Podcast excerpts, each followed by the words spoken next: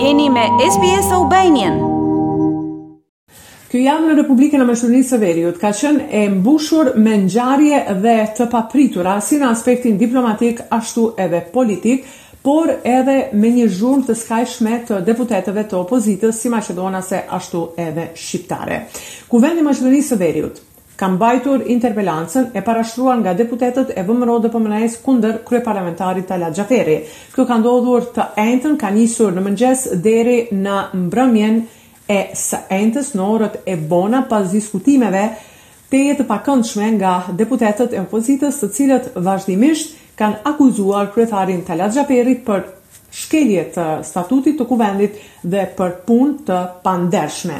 Sidoqoftë, në votimin që ndodhi në sallën e Kuvendit, në prezencë të njëqind e katër deputetëve, gjashtëdhjetë e një kanë votuar kundër shkarkimit të Talat Xhaferit dhe dyzet e tre për. Të përmbajtur nuk kishte.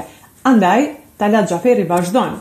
mandatin e tij si kryetar i Kuvendit dhe qeveria mandatin e vet deri në vitin dy mijë e njëzet e katër, ashtu siç kanë paralajmëruar disa herë gjatë kësaj kohe. Menjëherë pas vazhdimit të mandatit, Talat Xhaferi u është drejtuar deputetëve. Të nderuar kolegë deputetë, pozitë, opozitë, pa marrë parasysh mënyrën e të votuarit, Me rëndësi është që u thyejn tezat se interpelancat mbahen në fjok, se dikush i hik përgjegjësisë. Më mbetet t'falenderoj edhe ata që votun për shkarkimin tim, edhe ata që, fitu, që votun kundër shkarkimit. Sidoqoftë, puna e kësaj Dhome Përfaqësuese, puna e kësaj Shpije të Popullit do të vazhdon t'i kryn punët e veta dhe qytetarët janë ata më të thirrun që do bëjnë vlerësimin e duhur për secilin prej nesh. Siç e tha njëra prej kolegeve, askush prej nesh nuk është i pagabueshëm.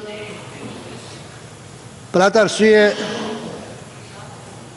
që në fillim të kësaj seance u pata përbetuar që nuk do të lëshohem në vlerësime dhe ndarje epitetesh personale, me përjashtim që duhej me bë porosin deri ku është bë, dhe besoj që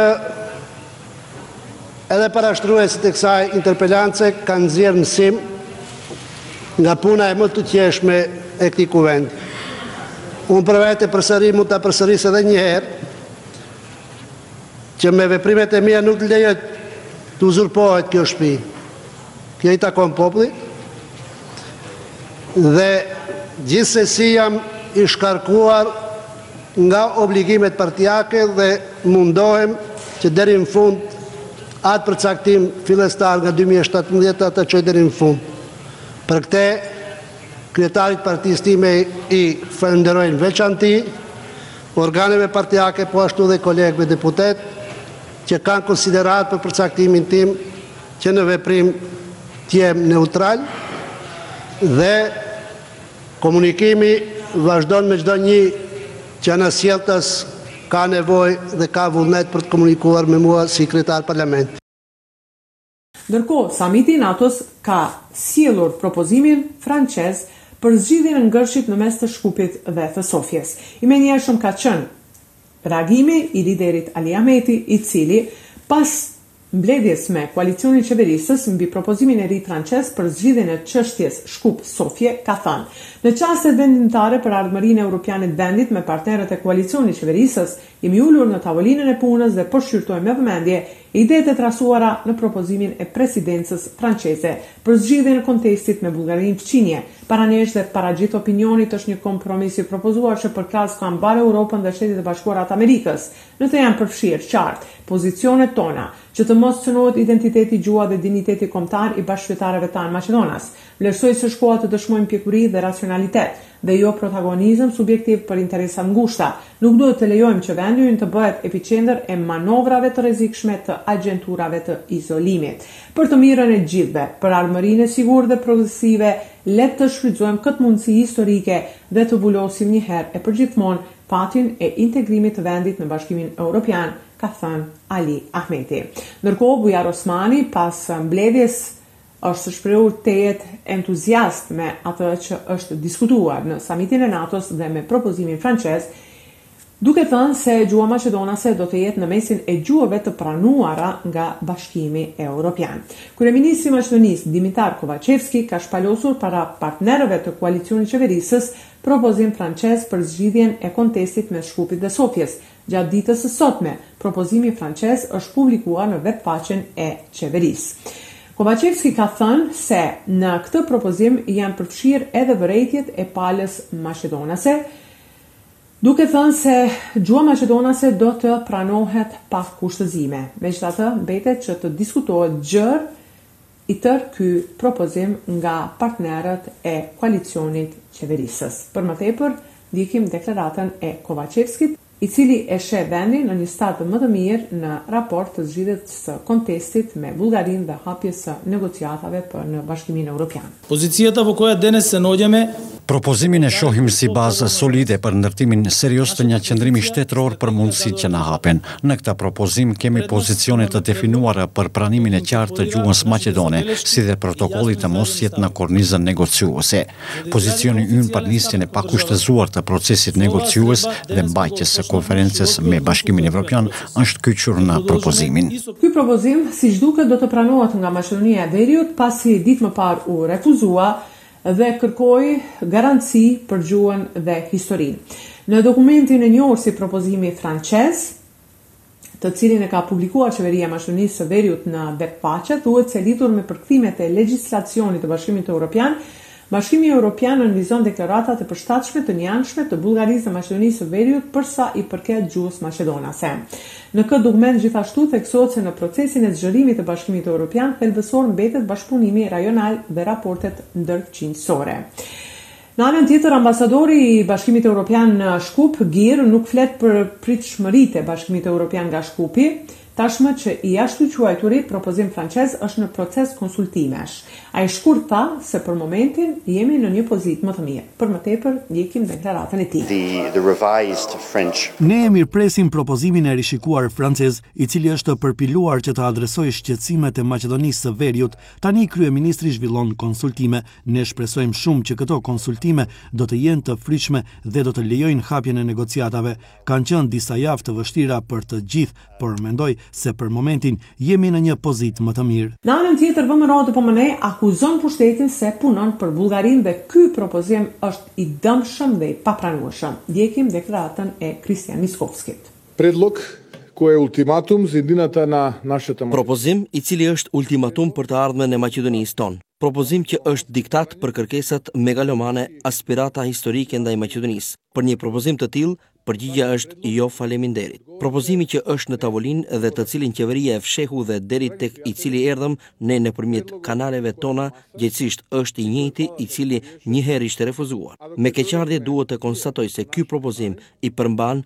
të gjitha kërkesat bullgare, edhe në pjesën e historisë, edhe në pjesën e gjuhës, edhe në pjesën e identitetit. Pranimi i këtij propozimi nënkupton e drejtë e plotë e Bullgarisë të ndryshojë libra dhe t'i shkruajmë sipas diktatit bullgar dhe fëmijët tanë në fillore të mësojnë siç dikton Bullgaria ose nuk ka të ardhme evropiane. Pranimi se Goce Dellçev, Dame Gruev, Jane Sandanski dhe heronjtë e revolucionarët e tjerë kanë qenë bullgarë, se gjuha maqedonase është dialekt i bullgarishtes. Ditë më parë ka ndodhur një incident në Kuvend, pas shqyrtimit të projektligjit që parashikon gjyqtarët dhe prokurorët të punojnë deri në gjashtëdhjetë e shtatë vjet. Këto ndryshime futen në filtrin parlamentar pas heqjes së mundësisë së punonjësve të punojnë edhe për tre vite të tjera, me përjashtim të sektorëve të shëndetësisë dhe arsimit lart. Nëse ndryshimet nuk kalojnë atëherë, për dy ditë, rreth gjashtëdhjetë gjyqtarë dhe dhjetë prokurorë do të fillojnë të dalin në pension njëri pas tjetrit sepse janë gjashtëdhjetë e dy dhe gjashtëdhjetë e katër vjeç. Nga ana tjetër prokuroria dhe drejtësia pohojnë se përballen me mungesë kuadri. Në gjykata sipas sistematizimit duhet të jenë diku gjashtëqind e dyzet gjyqtarë, por aktualisht janë vetëm katërqind e shtatëdhjetë. Aktualisht njëqind e gjashtëdhjetë e dy prokurorë ndjekin krimin Ndonëse nga prokuroria kërkojnë të punësohen edhe njëqind të tjerë. Prej vitesh, prokuroria dhe këshilli gjyqësor kanë alarmuar për mungesën e kuadrove. Ata problemin e shohin në Akademinë Pavel Shatev, përkatësisht kuadrot e pamjaftueshëm që dalin prej atje.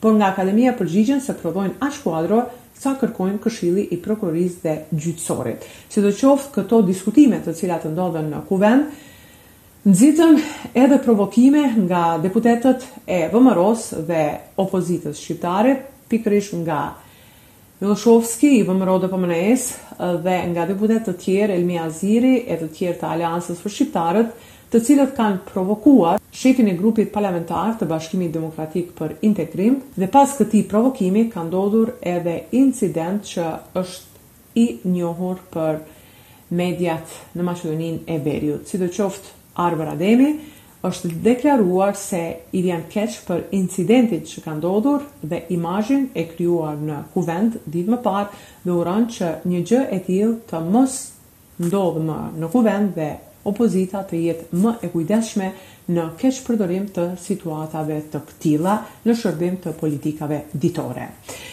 Përveç të gjitha ngjarjeve politike, diplomatike, në Shkup u mbajt edhe një ngjarje e rëndësishme dhe e madhe kulturore. Është mbajtur spektakli Shën Tereza, shqiptarja e tërë botës, që ka nderuar afaristë të shumtë shqiptarë nga brenda dhe jashtë vendit. Në sallën e Teatrit të Operës dhe Baletit ishin të pranishëm profesorë, figura politike, figura të njohura nga jeta publike si dhe afaristë të suksesshëm, të cilët janë nderuar me çmimin Nënë Tereza. Ky spektakël do të transmetohet në televizionin Klan më pesë shtator me rastin e shenjtërimit të Nënë Terezës dhe në këtë eveniment morën pjesë edhe artistët e njohur si tenori me famë ndërkombëtare Josif Gjipali, tenorët mbarëshqiptarë Kastriot Tusha e Shkodran Tolaj si dhe Ansambli Nacional Shqiptar. Një mbrëmje e paharrueshme e cila i kishte munguar Shkupit në këto ditë dhe javë të trazirave të mëdha dhe zhvillimeve të hovshme politike. Për Radion SBS raporton nga Republika e Maqedonisë së Veriut, Besiana Mehmedi. Klikoni në like, ndani dhe komentoni SBS Albanian në Facebook.